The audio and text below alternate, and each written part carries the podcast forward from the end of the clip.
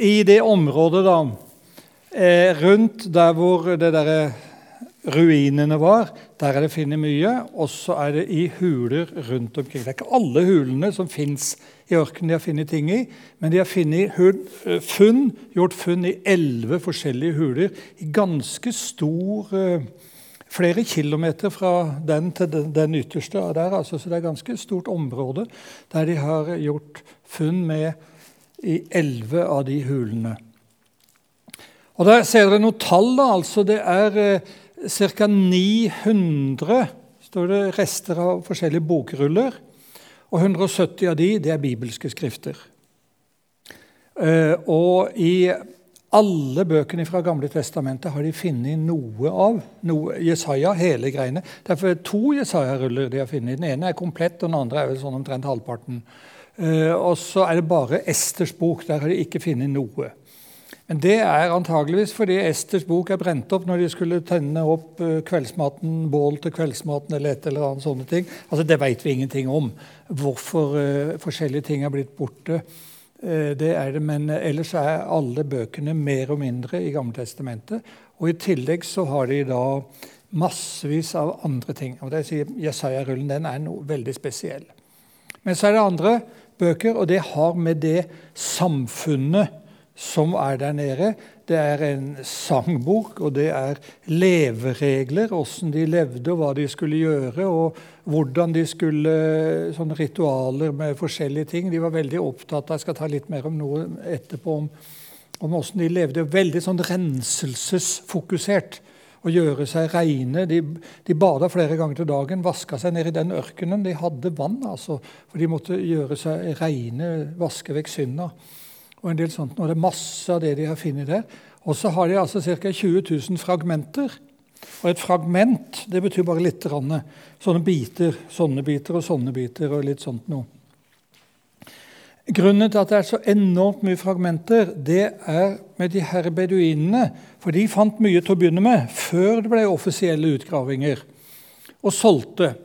Og så, bare ta et eksempel, det er ikke helt nøyaktig, men altså, Hvis de solgte en sånn en bit med noen gamle greier, så fikk de en viss sum. Du kan bare si 100 kroner. Ikke bry deg om tallet, men fikk de det. Og hvis de solgte en sånn bit, så fikk de 200 kroner. Og hva gjorde de istedenfor å selge en sånn bit til 200 kroner? De reiv den i fire biter, og så fikk de 100 kroner for hver av bitene. Er dere med på poenget? Så de beduinene de var ikke dumme, de. De fant ut jo mindre bitene er, jo mer kan vi tjene ved å selge dette til han i Betlehem. Hvis vi bare har små biter, så får vi mer per stykk når vi da legger det sammen, enn å selge en stor ting. Og så begynte de, når de begynte med skikkelige utgravinger en del, og en del sånt nå, og, ikke, og, det kom beduiner som hadde funnet ting, og så innførte disse vi kaller det vitenskapsfolkene en regel. De betalte per kvadratcentimeter. Jeg vet ikke hvor mye de betalte per kvadratcentimeter, men de satte en pris. Kommer du med sånn en, så får du mye mer enn hvis du kommer med fire sånne. Altså de, de, tok per kvadratcentimeter nettopp for ikke at det skulle ødelegge så mye. Men de sitter nå med 20 000 biter og prøver å leite og sette, Noen er bare bitte små biter. Og prøver å leite og sette dette sammen. Og det er puslespill. De aner ikke Når dere løser, legger sammen puslespill, så har dere jo malen. Dette skal det bli. Men de vet jo ikke hva det skal bli heller. Så det ennå holder de på å jobbe med disse bitene her og prøve. å det kommer mer og mer framover. Men det er jo de der rullene som de klarte å få tak i, som har gitt mest informasjon om det samfunnet som var der nede, og også en del om de bibelske tingene. Og de fant ikke bare skrifter, de fant mye andre ting der òg. Mye andre ting fant de også. De har bl.a. funnet litt om klær. Og så har de, Når vi går inn i det der museet i Jerusalem, så ser vi vinduene på vei innover der. Det er en sånn eh, fletta basket, liksom handleveske eller et eller annet handlepose i gjenvinnbar plastikk. Det er noe sånn strågreier de har laga. Og så har de funnet penner. Og så har de funnet blekkhus. Og Det meste av det har de funnet i et bestemt område i de ruinene. og Da vet de det var skrivestua til disse folkene der. Og så har de funnet noe også noe som blir kalt for en tefillin. Og det er det ingen av dere som vet hva er for noe. Det tror jeg ikke dere vet hva er. Men nå skal vi lese litt fra Bibelen. Det gamle testamentet. Ja, Nå ser dere en fyr med tefillin her. Tefillin, det er den, Ser dere den der greia han har oppe på toppen der? En sånn boks oppå hodet. Og så har han en boks der. Ser dere den? Står jeg i veien? Så har han en boks der. Det er en tefelin, en moderne tefelin. Hva er det som dere ser her nå? Det er Israels, jødenes trosbekjennelse. Hør, Israel. Herren er vår Gud, Herren er én. Og så skal vi lese litt fra Mose, 5. Mosebok. Når Moses tar avskjed med folket, holder lange, lange, lange taler. Disse ord og bud som jeg gir deg i dag, sier Moses til folket. De skal du bevare i ditt hjerte. Men ikke bare i ditt hjerte. Du skal gjenta dem for dine barn og tale om dem når du sitter hjemme og når du går på veien. Moses sier Guds ord det skal du gjemme i hjertet, og det skal du snakke om til barna dine og når du er på veien og snakker med folk. Guds ord er viktig å dele med andre. Og så kommer det. Bind dem på hånden som et merke og ha dem på pannen som en minneseddel, sier Moses. Og hva er det for noe? Jo, de inni de boksene som de der, der guttene går med, han soldaten med klagemuren i Jerusalem, så ligger det et eller annet fra loven, ifra Mosebøkene, Guds ord, som han har inni der, på sin panne eller på hånden. Han har det oppå armen her. Det er det som Moses sier at han skal ha. Se på han lille gutten der. er ikke så liten, da, han er 13 år. Dette er ifra, eh, rett utafor klagemuren. Eh, hver torsdag så har de det som heter bar mitzvah i Jerusalem. Jeg bruker å si det som for norsk eh, oss, da, altså konfirmasjon omtrent. Det er når guttene blir store. Nå skal de bli voksne, nå skal de bli menn. Og Det er veldig gøy å være der. Det er prosesjoner, og de danser og de synger. og Det er helt ålreit for oss å være med på det. og en del sånne ting. Men det viktigste som han gutten der, han unge gutten, det han skal gjøre Ser dere at han har teffelin både i panna og på armen? det han skal gjøre den dagen. De har tatt ut noe eh, skap ut på tempel eh, der foran klagemuren. Og så åpner han det skapet, og der inne er Tora-ruller, altså bibelske ruller. Så skal han ta ut en sånn rull, og så skal han for første gang lese ifra loven. Offentlig. Og da er det blitt det er andre ritualer også, men teffelin. Så har de funnet en sånn teffelin i Kumran. Den der. der. Ja, der, dere ser den veien, jeg ser den veien. Og der ser dere, altså Det er skinnsak, jeg får bruke det ordet. Og så ser dere nederst der ser dere det er fire små pakker, jeg får bruke det ordet. Og inni hver av de små pakkene der der er det altså skrevet noe med noen bibelhenvisning og noe greier. Og så har de surra det sammen, denne lille små pakken, og lagt det ned. Så har kanskje det skinnet der vært litt fuktig vått. Og så har de bretta det er det med på den øvre delen, de bretta den ned på den nedre og pressa det sammen. Og nå er det bretta opp igjen. Og så er det en eller annen Qumran-område der nede som har gått med en sånn teffelin. De går ikke med det til hverdags, disse jødene, som de moderne. Det vet jeg ikke om de gjorde der heller, men det er en sånn teffelin. Og nå skal dere få se der har vi den. Det er den jeg har uh, lagt inn der. Men nå sitter dere litt langt unna. Ser dere den? Ja, Det er akkurat det samme. Den der er i originalstørrelse. Det står én til én. Dette er størrelse én til én. Den er i originalstørrelse. Den er bitte liten, og den ligger der med inngangen før du kommer inn i museet og greier. To ganger tre centimeter. Og åssen de har klart jeg kan få se på det etterpå, hvordan de har klart i de der små pakkene, de fire nedi der, når det er på den dimmen der, og så få skrive noe ned på en liten sånn, og så rulle det sammen som er en halv centimeter eller en centimeter lang, den greia. Og så har de bretta det sammen. Og så kan dere vet, Er dere redd for smitte? Men hvis ikke kan dere sende det rundt og kikke på det. Se på det etterpå. Det har de også funnet, så de har funnet mye annet. Det har de gjort. Masse som gir lys over veldig mange forskjellige ting. og Det er litt artig, den der. Jeg var i Israel nå i februar med eh, elever fra Drottningborg. Og så var det, Jeg snakket om dette i misjonssalen en gang i ja, januar eller februar nå i år. Akkurat det greiene her. Og Så kom vi ned i Jerusalem, så var vi inne i en liten synagoge. Og, noe, og så kom en av de to elevene som hadde vært og hørt på meg i misjonssalen. Odd, Odd, Odd, kom, sa Se han der, han har akkurat det som du fortalte om i misjonssalen. Se på han, han har akkurat det der greiene. Det var en som gikk med sånn tefillin der. Og de syntes det var så gøy, altså. Der sa de liksom ekte live at de her ortodokse jødene gikk med det. Men det er ikke bare de som gjør det. På store dager så går vanlige folk med det, for det har Moses sagt at det skal de gjøre. Og så finner de en sånn 2000 år gammel sånn tefillin nede i Qumran-samfunnet. Men nå skal vi gå litt mer på litt andre ting. Hvorfor er dette så viktig? Nå har jeg fortalt historien, jeg har fortalt hva som skjer. Hvorfor er dette så viktig? Og hvorfor er det faktisk viktig, hvorfor er det viktig for oss? Jeg har liksom ikke vært borti dere i det hele tatt. Hvorfor er det viktig å finne så mye? Og Nå skal vi bruke profeten Jesaja. Før funnene i Qumran, før dødehavsrullene De eldste Vi snakker Gamle testamentet nå. De eldste manuskriptene som vi hadde, de er fra ca. år 1000 etter Kristus. Og profeten Jesaja-boka ble skrevet sånn røftlig 600 før Kristus. Vi snakker altså om et spenn på ett og et halvt tusen år. Det er mye, det.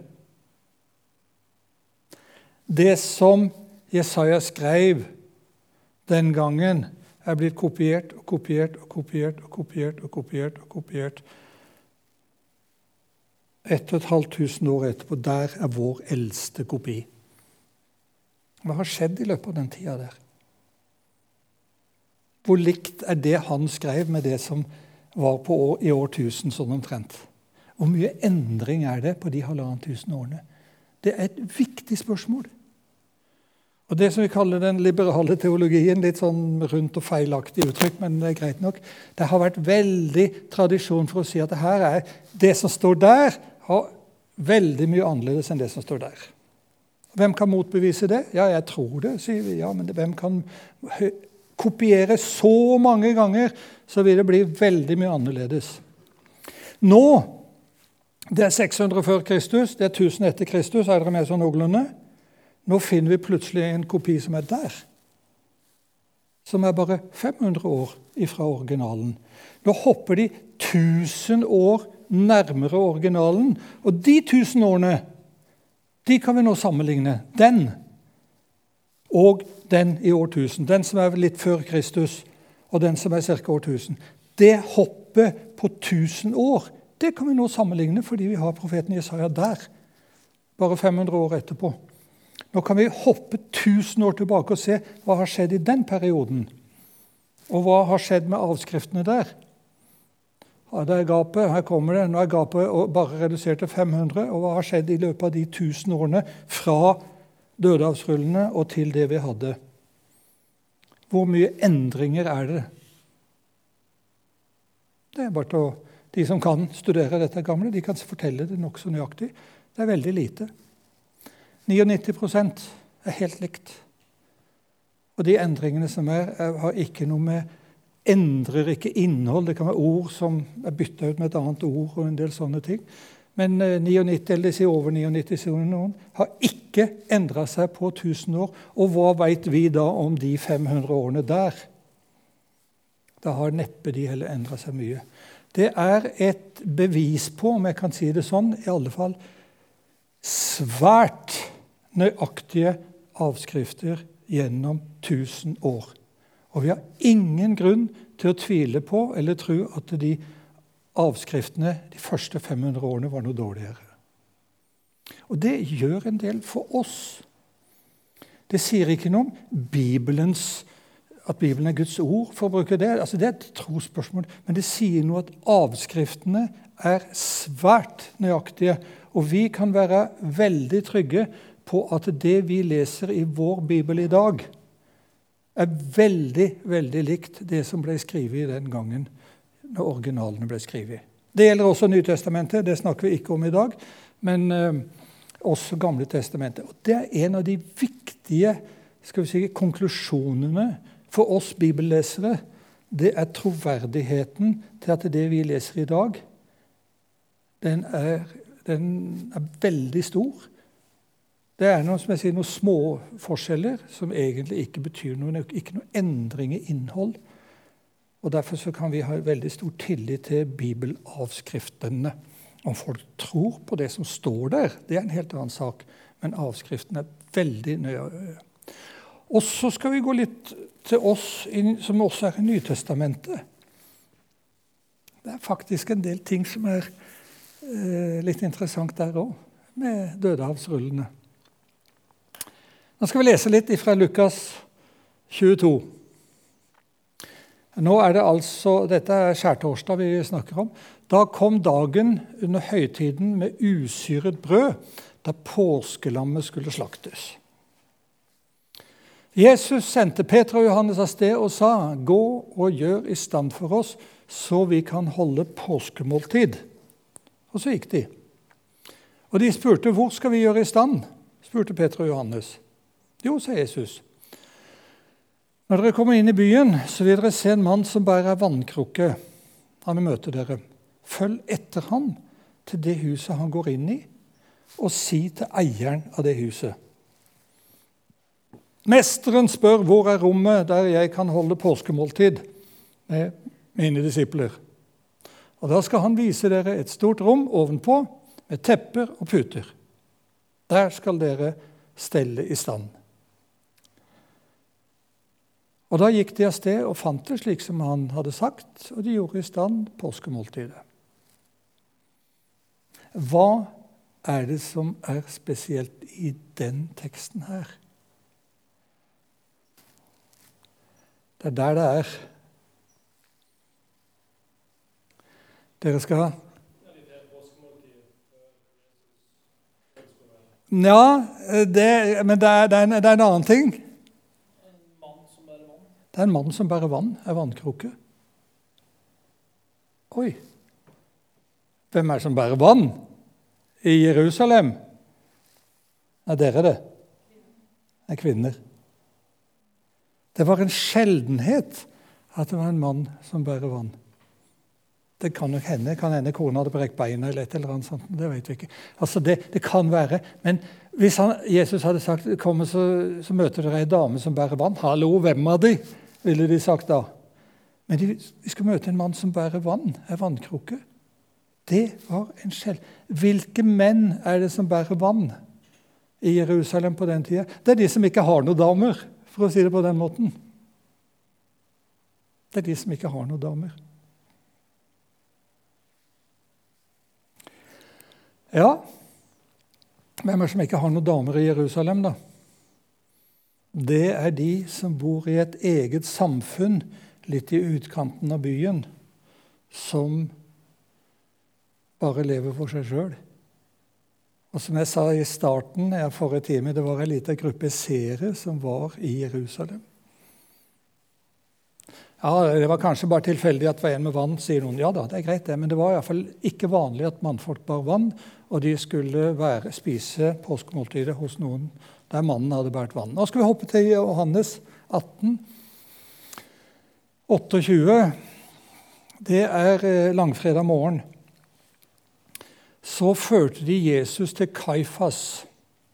Fra Kaifas til landshøvdingens borg. Kaifas det var øverstepresten i Jerusalem.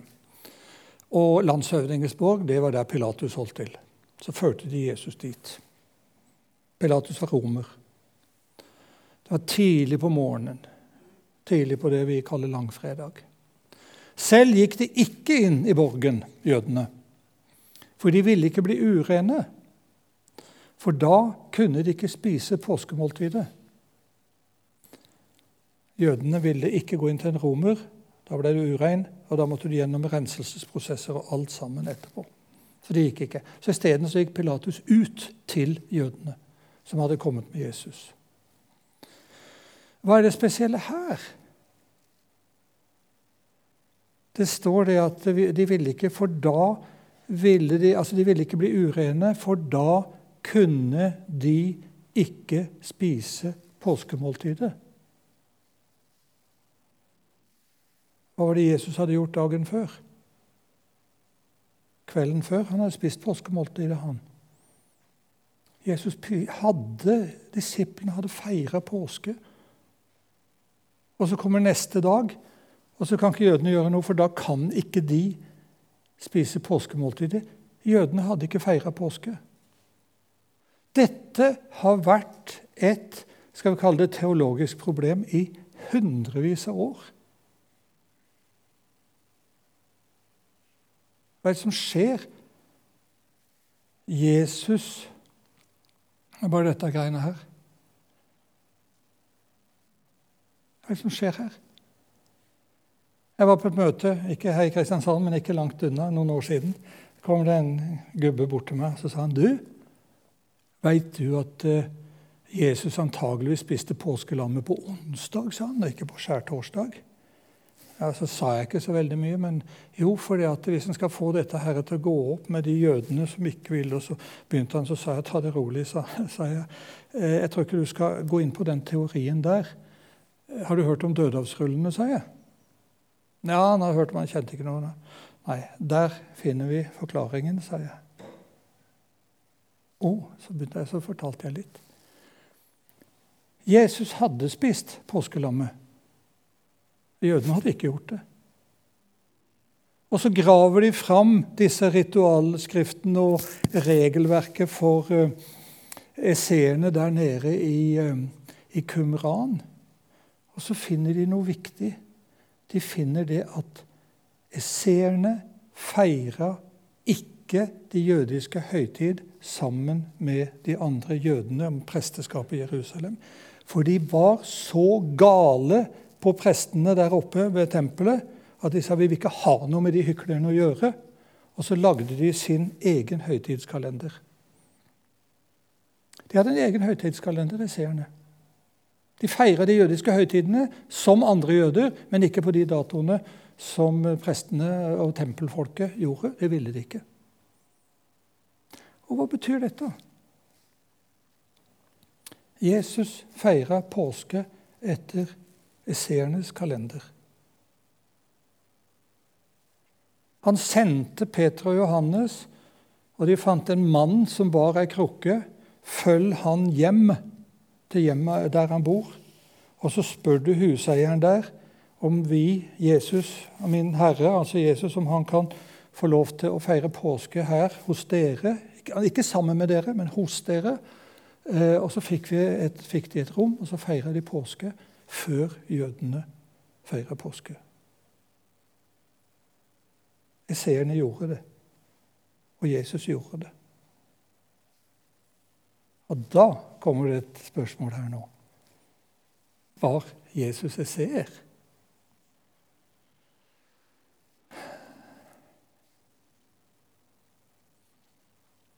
Han spiste sammen hos de, Og de ga han en plass. De visste hvem han var. Hadde de noen forbindelse med hverandre? Nei, på vanskelige ting. Og Eseren er heller ikke nevnt i Nytestamentet. Hvorfor er de ikke det? Fariseerne er nevnt. De skriftlærde er nevnt. Det høye rådet er nevnt. Seloten er nevnt. Religiøse grupper de er nevnt. Eseren er ikke nevnt i Nytestamentet. Det er en jøde som eh, noen år seinere, sånn år 90 eller der omkring Han har skrevet mye mer enn Josefus. Josefus, som har skrevet ned jødenes historie. Nå slår jeg opp her. La meg beskrive de ulike historiske retninger blant jødene. Han skriver til de romerske lederne. Så skriver han om fariseerne, så skriver han om sadukeerne, og så skriver han om esseerne, og så skriver han om selotene. de glemte jeg å si også, disse herre her. Han, Josefus, skriver om esseerne. Vi visste en del om dem før. En som heter Filo, som er i Alexandra Egypt, han har skriver om esseerne.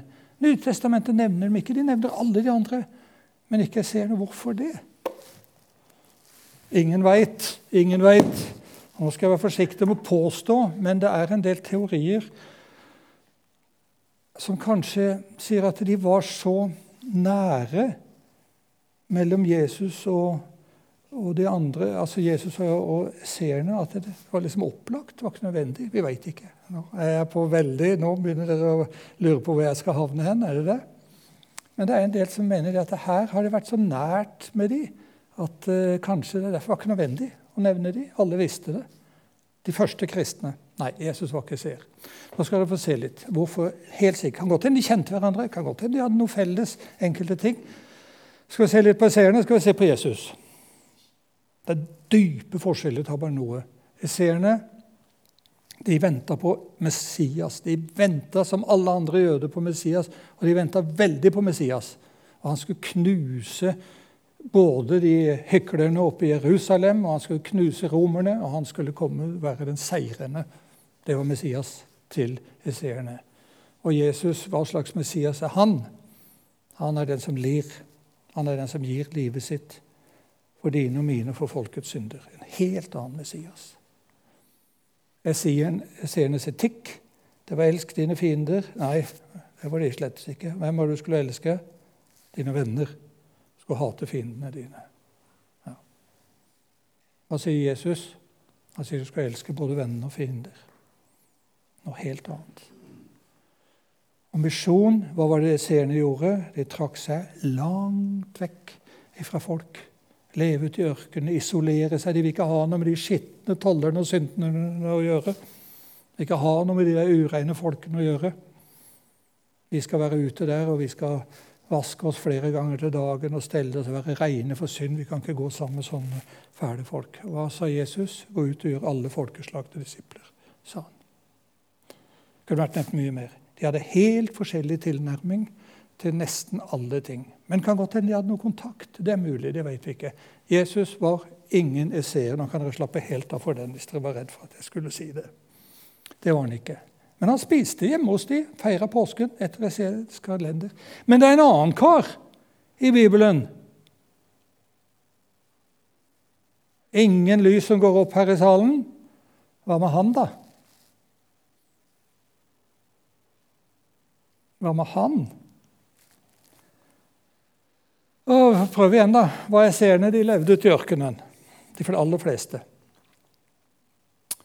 Og de levde i Qumran-samfunnene med Dødehavet.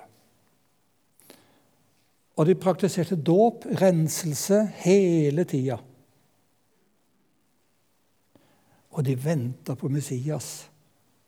Og de gjorde dette for de skulle rydde veien. De skulle rydde den indre veien i hjertet, og de skulle prøve å rydde veien for Messias, han som skulle komme i profeten Jesaja. Og Forkynnelsen den var veldig kritisk det har jeg sagt mange ganger nå, til lederne oppe i Jerusalem. Det er seerne. Skal vi se på Johannes, da. Hva gjorde han for noe, da? Han vokste opp og levde i ørkenen, står det i Lukas første kapittel. Og hva veit vi om Johannes? Hva gjorde han der ute i ørkenen? Han døpte folk, han. Og det er like ved. altså Noen få kilometer unna Qumran. Det er ikke langt derfra. Et par timer å gå.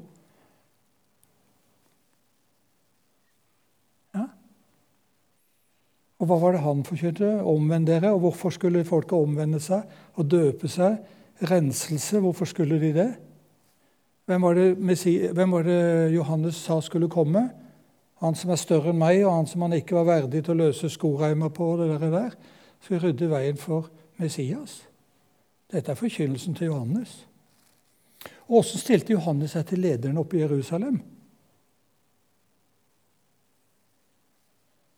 Han kalte de ormeyngel og sånt noe. Han skjelte de ut. Øksa ligger alt med roten, sier han, og dere blir hogd ned og greier hvis dere ikke omvender dere når Messias kommer. Ops! Var ikke det ganske mye likt? Det kan godt hende Johannes har vært og spist middag sammen med seeren oppe i Kumran. Han holdt jo til nedi der. Er dere redde nå også, eller at jeg sier noe forferdelig gærent? Se på den lista, da. Eller se dere, se der. Se på den lista. Han, er jo god. han detter jo rett inn i mønsteret hele veien.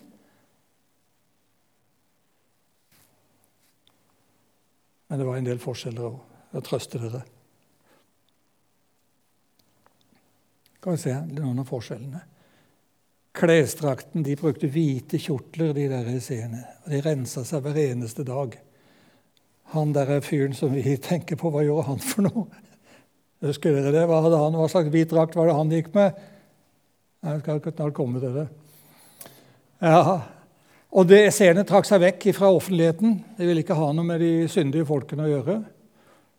Og de hadde en sterk organisasjon. Det har de funnet med lederen, lysets sønn, lysets sønn, som kjemper imot mørkets uh, sønn. Lysets sønn og mørkets sønn. Det var liksom kamp mot lys og mørke hele tida. De hadde veldig sånne regler hvordan de skulle forholde seg til hvem i hierarkiet og hele greiene. Og så skulle Messias han skulle ikke komme utenfra, han skulle komme fra de sjøl. Det var én av de som skulle bli Messias. Det passer ikke Johannes inn i noe. Han gikk i kamelkappa, han. Og må tro han vaska seg ikke hver dag tenker De kjente den på 50 meters avstand da han kom gående. Han var ute i elva av og til og døpte folk og kanskje fikk vaska seg litt, da, men jeg tror ikke det var så veldig til hygiene. Ja, det, det, var mine tanker. Eh, han trakk seg ikke vekk fra folk heller. Han gjorde ikke det. Han samla jo folk. De kom jo til en helt fra Jerusalem for å høre, og overalt. Skulle, eh, hvem, hva driver han på med? Alle ville høre. Han sto midt i folket og forkynte. Og Han hadde ikke noe organisasjon bak seg. Han gjorde akkurat som han sjøl ville. Han hadde noen disipler. Andreas og Johannes var to, no, to, av disiplene hans. det var noen, Men det var liksom helt på egen hånd. Det var ikke noen organisasjon. Han bare drev på nedi der. Og Da Jesus kommer fra Galilea og kommer ned og skal bli døpt av Johannes, hva er det Johannes da sier? Se, der er Guds lam som bærer bort verdens synd. Og Dagen etter sier han det samme. Og Han sier da altså at eh, det er han som skal komme, det er ikke meg. Jeg er, jeg er ingenting, sier Johannes, men det er han som skal komme. Så Messias han skal ikke komme fra Johannes sine disipler. Han kommer ruslende fra Galilea og den gangen og blir døpt av Jesus. Men det er mye felles, og det kan godt hende vi skal ikke lage noe bråk ut av det, at Johannes mange ganger har vært i Kumran. Det vil ikke overraske noe, det. De var ikke spedalske, de. Så det kan godt hende at han har mye, han hadde mye av forkynnelsen likevel, som de hadde, men det var likevel store forskjeller ifra det. Og så kommer nå Nå er jeg snart ferdig. Nytestamentet og dødehavsrullene. Hva med det? Finner vi noe NT-stoff i funnene i Kumran? Nei.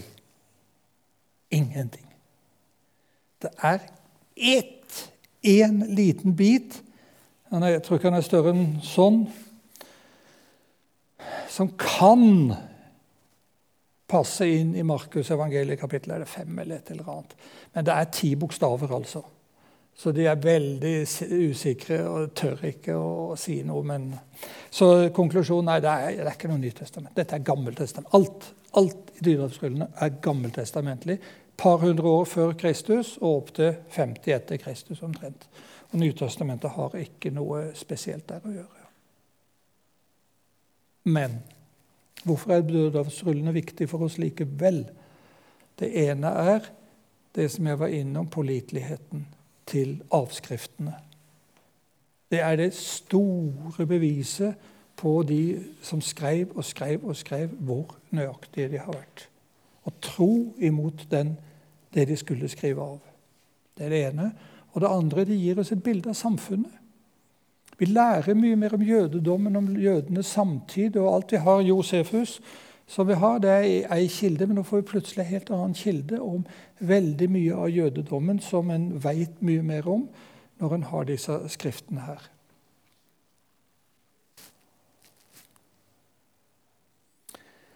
Uh, Jerusalem, det har vært der mange. I dag så er bymurene der som den der, der går, sånn, og så går han der og inn her, og det er tempelplassen, og her er klagemuren. Noen av dere vil kanskje kjenne igjen sånn noenlunde. Her er eh, Sionporten. Her var det Pilatus bodde, og øverstepresten hadde eh, huset sitt her i det området. Det var den tids Jerusalem.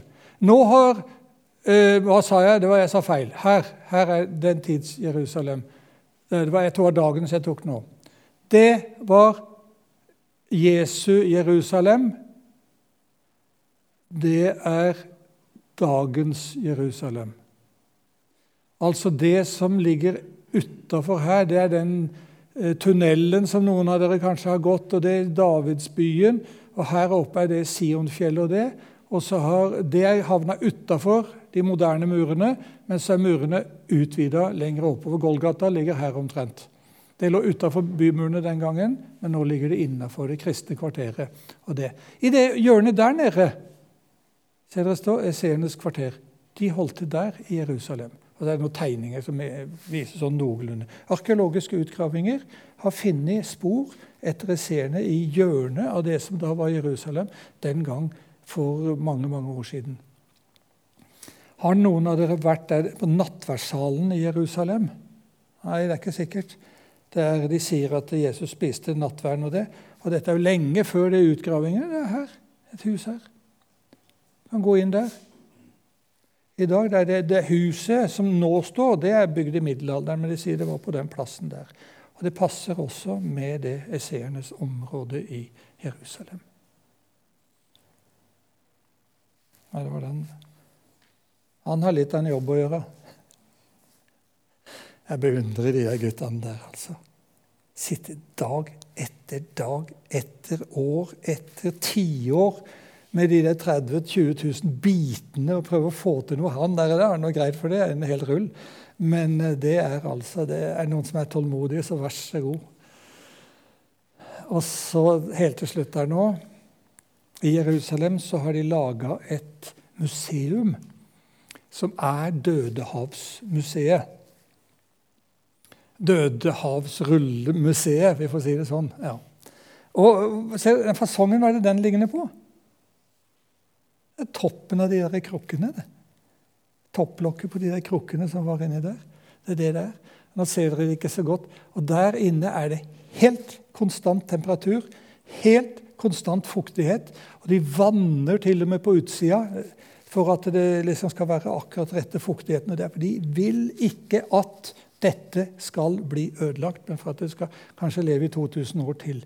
Når du kommer inn, så kommer det, det nokså mørkt innover gangen, og inni der så føles det litt mørkt. Og så rundt omkring så er det eh, en del De skifter ut sånn en gang i året eller noe litt, de forskjellige eh, som er funnet nede i Kumran, og viser det. Det er noen i kjelleren også. Og så går du opp ei lita trapp sånn i midten og inni der.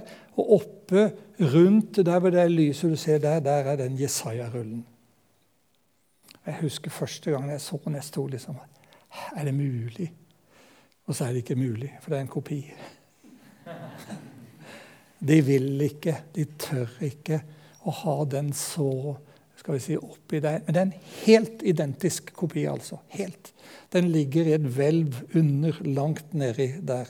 Forskere de får se den sånn jeg vet ikke, en gang i år eller en gang hvert tiår eller et eller annet sånt.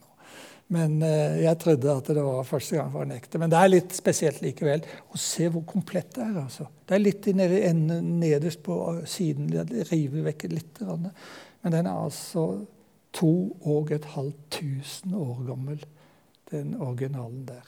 Og så har vi egentlig akkurat det budskapet, samme budskapet i dag. Og skal ikke begynne å liksom gradere skriften, men profeten Jesaja er vel for oss kristne også en av de viktigste bøkene i Bibelen. Ikke minst Messias-profetien og en del sånne ting. Det var det jeg hadde tenkt å si i dag. Og nå har jeg ikke tenkt å si noe mer. Hvis dere har noen spørsmål, så er jeg åpen for det på én betingelse. Hva er det for noe? Snakk høyt, sånn at jeg hører. Eh, Lasse, du får eh, styre nå. Neste bilde, det er det. Så nå har jeg ikke noe mer. Og dere som har lyst til å kikke på denne teffelinen og de greiene uten å ta på boka og bli besudlet Dere kan komme, og så ligger den der, og så kan se på denne teffelin-greiene. Det er ganske utrolig. Dere som har vært i Israelsmuseet, jeg visste det ikke før i fjor at Den tefillinen lå i et vindu der, men jeg så det nå, de der guttene de som så han der. Han, han har det som du sa! Og da tenkte jeg nå skal jeg være på jakt etter det når jeg er inne i, i museet, og vi fant den. En bitte liten sak sånn. Litt sånn ja. Så stort som det dere ser på tommelen min der omtrent. Og den negla, det er det ene, og det andre det er da, der ligger de der fire bitene nedi der. Det er ikke større enn de der greiene der. altså. Det er helt, helt utrolig åssen de fikk det til den gangen. Hjertelig takk for meg. Eh, det blir ingenting neste uke, var det ikke det du sa? Derfor bør hun komme til høsten. Sette i gang igjen. Jeg har lyst til å komme igjen, jeg. Hvis jeg får lov. Takk skal dere ha. Ingen spørsmål? Jeg er redd for ikke å snakke høyt nok. Det var kjekt å se dere. Veldig kjekt å se dere. Må dere ha lykke til både med sommer og noen blir vel i byen, og noen forsvinner. og Jeg vet ikke hva de driver på med, jeg, men jeg er hjemme, så bare kom.